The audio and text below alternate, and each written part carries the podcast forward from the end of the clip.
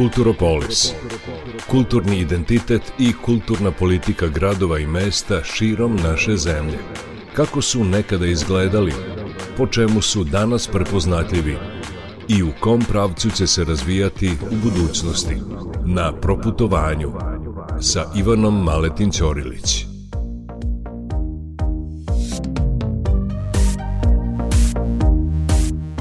Dragi slušalci, dobroveče i dobrodošli u specijalno praznično izdanje emisije Kulturopolis.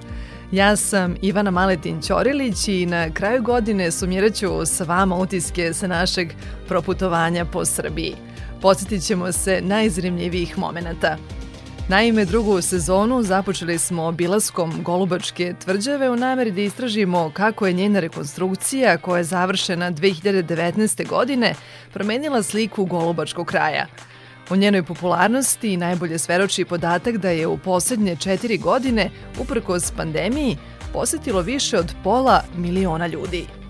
Kako bi se unapredila turistička ponuda i približila burna prošlost tvrđave, otvorena je još jedna stalna postavka. Nastala je kao rezultat višegodišnjih arheoloških iskopavanja i istraživanja, objašnjava Nikola Jović, turistički vodič tvrđave Golubački grad. Tokom samog iskopavanja, odnosno arheologije, u sklopu same rekonstrukcije pronađeni su vrhovi strela više od 7000, razno posuđe, stari novac, koji su stvari sve to na ispitivanju i sve će to biti izloženo u palati despota Stefana Lazarevića, gde ćemo eto prosto imati još lepši način da ljudima dočaramo taj srednji vek, da oni direktno vide šta su ljudi koristili, razni delovi oklopa su pronađeni i razno naoružanje.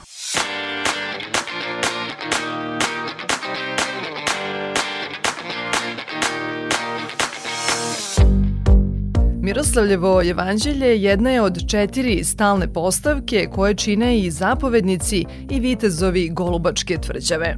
Duh srednjeg veka posetioci mogu najbolje da osete za vikend, kada tvrđava oživljava i podsjeća na slavna vremena. U stvari ono što je zanimljivo turistima jeste to što ovde mogu da se osete kao srednjovekovni ljudi. Kolege vodiči i ja takođe svakog vikenda na glavnom trgu utvrđenja imamo naše Viteško selo gde se ljudi mogu upoznati sa naoružanjem srednjeg veka, tu su i kolege Sokolari iz uh, udruženja Javis Legatum koji su takođe svakog vikenda sa nama, posetioci mogu da se fotografišu sa američkim jastrebom, sokolom, takođe streličarstvo, biljke koje su korišćene u medicinske svrhe u srednjem veku, mogu se prosto upoznati sa tim načinom života.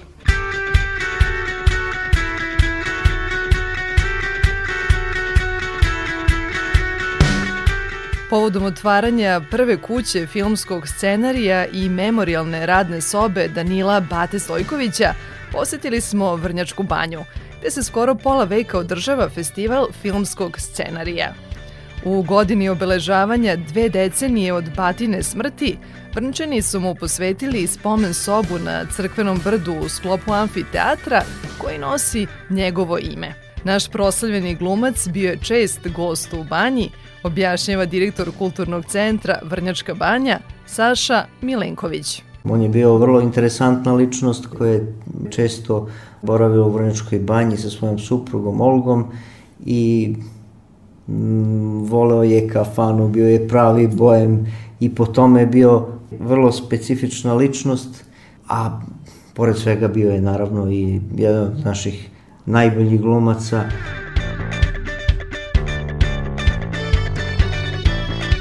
U duhu festivala u sklopu Narodne biblioteke dr. Dušan Radić na Vrnjačkoj promenadi 2021. zaživela je kuća filmskog scenarija. Njene temelje postavio je Boško Ruđinčanin, dugogodišnji direktor kulturnog centra, koga meštani smatraju utemeljivačem vrnjačke kulture. Najstariji rukopis u kući datira iz 1977. godine, a reč je o filmu Miris poljskog cveća Srđana Karanovića i Rajka Grlića. Brižljivo očuvanje na policama nije jedini način na koji se brinu o toj vrednoj filmskoj zaostavštini, kaže direktor biblioteke Dejan Lučić.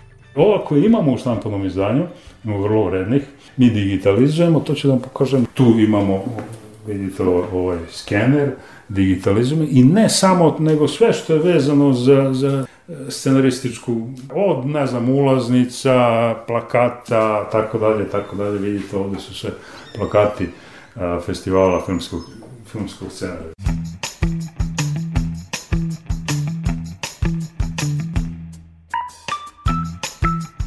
Put nas je odveo u Sremu, jednu od naših najrazvijenijih opština, Inđiju. Iako važi za raskrsnicu Srema i izuzetnu odrednicu za privredna ulaganja, sve više se okreće kulturnom turizmu. Zanimalo nas je može li to da donese prosperitet gradu. Otvaranje Kelskog sela 2021. godine, tematskog turističkog kompleksa u sportsko-rekreativnoj zoni na ulazu u grad, ubrzalo je razvoj cele opštine – tvrdi direktor turističke organizacije opštine Inđija Milan Bogujević. Kelsko selo je postalo od prošle godine tog 1. jula kad smo otvorili lokomotiva razvoja turizma Inđije. Tada se pokazalo da Inđija može i u ovom segmentu da bude najbolja, kako moj šef kaže, samo ono što je najbolje je dovoljno dobro za Inđiju. Od tada smo nastavili dalje sa ulaganjem, povećali smo budžet, opština je povećala budžet za, za, za turizam, tako da smo ove godine imali, verovali ne, čak šest infrastrukturnih projekata. Jedan od njih opet je bio i dogradnja Kelskog sela i on će se dograđivati svake godine, bar dok sam ja tu, uh -huh. jer mislim da bi svaki tematski park u Srbiji trebao, ne samo tematski park, i svaki muzej bi trebao da se menja godišnje 10, 15, ako može i 20 savršeno odstav u odnosu na prošlu godinu. Tako da i oni koji su dolazili prošle godine imaju razlog zašto bi ponovo došli u Kelsko selo. Nakon Keltskog sela u godini na izmaku, Inđija je dobila i prvi muzej. Reč je o galeriji Adligat, Inđija, ogranku istoimenog muzeja redkih knjiga i putovanja iz Beograda. Otvorena je izložbom u glumcu Pavlu Vojsiću koja obuhvata njegove fotografije i lične predmete. Galeriju čine i legati naših velikana 19. i 20. veka. Među njima se posebno ističe dnevna soba Miloša Crnjanskog iz Londona. Vidjet ćete najvredniju, verovatno, istoriji šivaću mašinu, to je mašina Vide Crnjanski, mašina o kojoj je on pisao romanu u Londonu i mašina koja ih je tamo prehranila u Londonu. Ne njegovo pisanje, njegove knjige vidjet ćete prvi put prikazanu javnosti zbirku princa Đorđe Karadžorđevića, koja je otkrila konačno tu dilemu ko je i šta je bio Đorđe Karadžorđević. Vidjet ćete pisma, kad smo kod pisama, jako je značajno ko piše pismo, ali i kome piše. Sadržaj ti pisama je u stvari nešto je ključno. Ovde imamo pisma kralja Milana svom sinu Aleksandru, mm -hmm. gde ga uči kako da vlada. Jedno od najlepših pisama ima 27 pisama, kod nas je 7, ostalo je u Beogradu, ali jedno pismo kaže uh, a, onima koji nemaju novac, daćeš novac. Onima koji imaju novac, daćeš odlikovanje. Nemoj slučajno da pogrešiš. A ako imaju i novac i odlikovanje, onda imaju problem sa zakonom. Reši to i nemaš problema. Kulturopolis. Kulturopolis.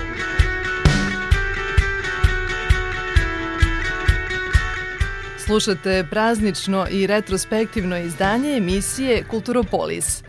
Nezabilazna stanica u 2022. godini bilo nam je Pančevo. Slogan jubilarnog 20. Pančevačkog bijenala umetnosti Rafinerija Manastir postakao nas je da istražimo da li industrija guši ili postiče kulturnu scenu u tom gradu i kako ona izgleda danas. Srednjovekovni manastir Vojlovica u čijem dvorištu je izgrađena rafinerija, jedinstven je evropski fenomen. Bogato industrijsko nasađe u Pančevu od uvek je raspirivalo maštu filmskim umetnicima. Pa su tako tu snimljena kultna ostvarenja jugoslovenske kinematografije, Ko to tamo peva, Balkan Ekspres i maratonci trče počasni krug. Paradoks je što je industrija i podigla Pančevo, naglašava književnik i kulturni poslanik Nemanja Rotar.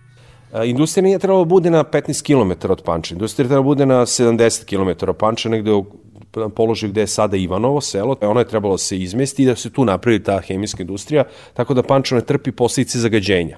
Ali svakako da je pojavom te tri velike industrijske zone, odnosno tri fabrike, Pančevo od jednog e, malog mesta doživelo zaista ekspanziju. Sa oko 30-40 hiljada stanovnika diglo se na nekih 80, sad možda i stotinu hiljada. I zaista je to poguralo da Pančevo iz jedne palanačke ljušture iznedri nešto što je, znači, kao grad da se formira. Dakle, apsolutno je uticalo. Bez toga ne bismo imali ovoliku snagu i ne bismo imali ovako razvijenu autohtonu umetničku scenu da nije bilo te industrije. Malo je poznato da je današnje Pančevo nastalo na temeljima tvrđave iz 18. veka i vremena Habsburške monarhije.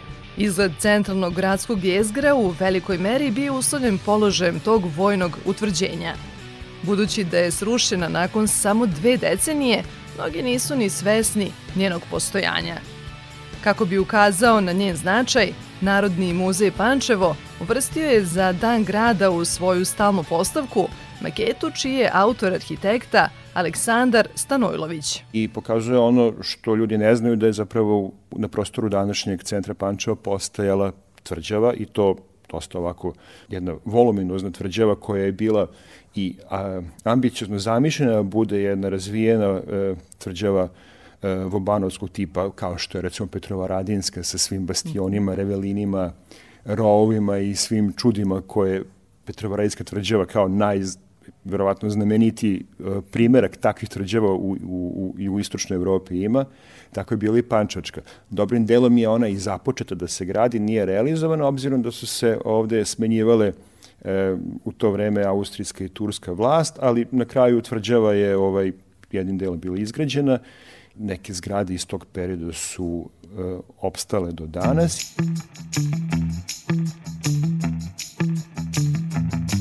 U središtu Bačke na obali Velikog Bačkog kanala dočekao nas je i Olimp u ravnici Vrbas.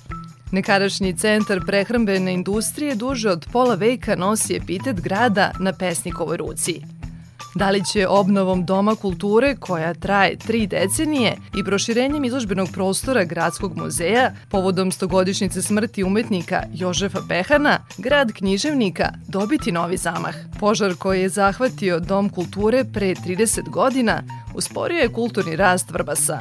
Njegovu ponovnu izgradnju Vrbašani upoređuju sa zidanjem skadra na Bojani. Mada se niko ne usuđuje da govori o preciznim rokovima, izgleda da se konačno nazire kraj dugogodišnjih radova, objašnjava arheološkinja i rukovodilac te ustanove Vesna Grgurović. U poslednje vreme zainteresovani su i pokrinjski sekretarijat za kulturu i ministarstvo. Mislim da su odvojena određena sredstva i da su u toku radovi koji vode ka tome da se uskoro i, i građanima u potpunosti približi ovaj prostor i omogući za korišćenje. Postoji ogromna pozorišna dvorana koja će biti napravljena po svim savremenim standardima. Postoji prostor za galeriju, postoji prostor za održavanje proba za folklorni ansambl i to je to. Nizom programa Gradski muzej obeležuje stogodišnjicu smrti Jožefa Behana, jednog od najznačajnijih umetnika vojvođanskog prostora i začetnika secesije.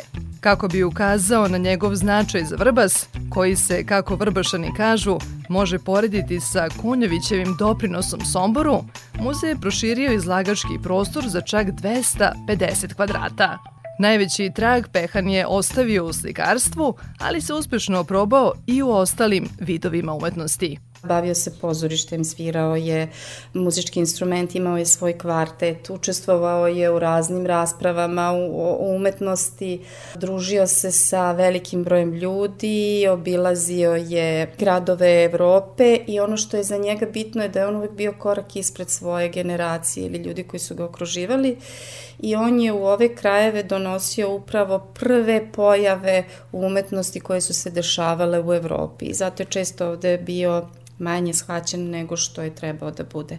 Čak ga imamo u stalnoj postavci našeg muzeja, možete videti na fotografijama prvih arheoloških iskopavanja u Vrbasu iz 1902. godine, pa je logično i da je on bio ovaj taj koji je organizovao fotografisanje.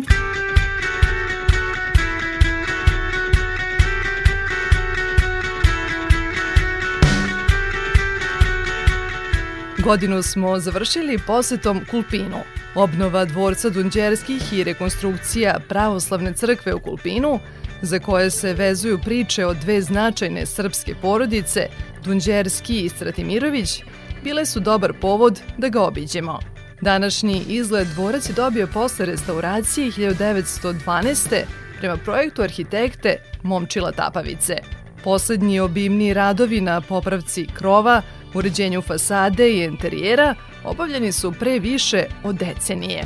Najveću pretnju poslednjih godina predstavlja prokišnjavanje krova, kao i urušavanje fasade, što je uzrokovalo njegovo ubrzano propadanje, objašnjava kustos Filip Forkapić posle dugo, dugo eto, i naših pisanja mobi konačno razumevanje pokrenjskog sekretarijata za kulturu, javno informisanje i odnose verskih zajednicama AP Vojvodine složena sredstva za tu prvu fazu koja obuhvata pokrivačke, odnosno građansko-zanatske radove i konzervatorsko-restauratorske radove, radovi na krovu, radovi na olucima, takođe i na e, kamenim elementima, odnosno kamena atika sa dekorativnim poljima, vazama i urnama sa postoljem. Radi se kompletna e, zamena e, daščane podoge sa tenit pločama, propalih rogova, rade se simsovi, e, dimnjaci, zamena horizontalnih oluka, liminih uvala, opšravi oko dimnjaka,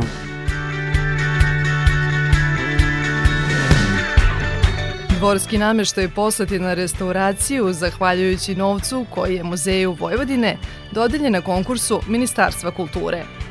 Predmeti koji čine stalnu postavku stilskog nameštaja u dvorcu poslužili su kao inspiracija za rad sa decom.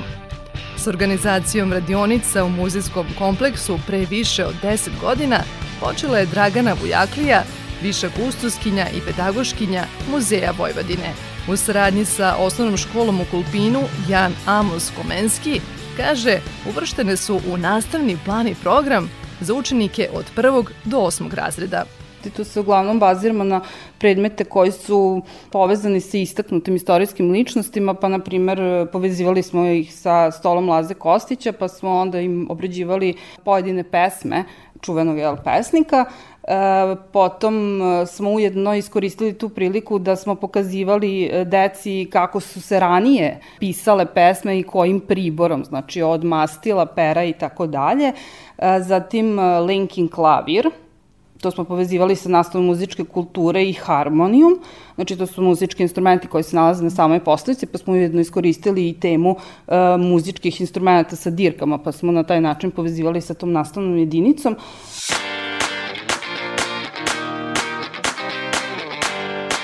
Kulturopolis.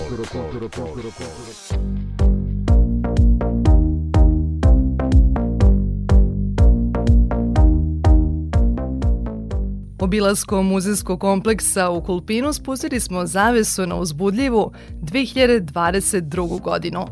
Naredno putovanje zakazujemo za kraj januara, a u duhu praznika neka destinacija ostane mala tajna. Sa prazničnim osvrtom na najzremljivije momente u 2022. nastavljamo u sledećoj emisiji, a ukoliko ste propustili neka od izdanja Kulturopolisa, možete ih poslušati na odloženom slušanju na sajtu Radio Televizije Vojvodine. Ja sam Ivana Maletin-Ćorilić i želim vam srećne praznike.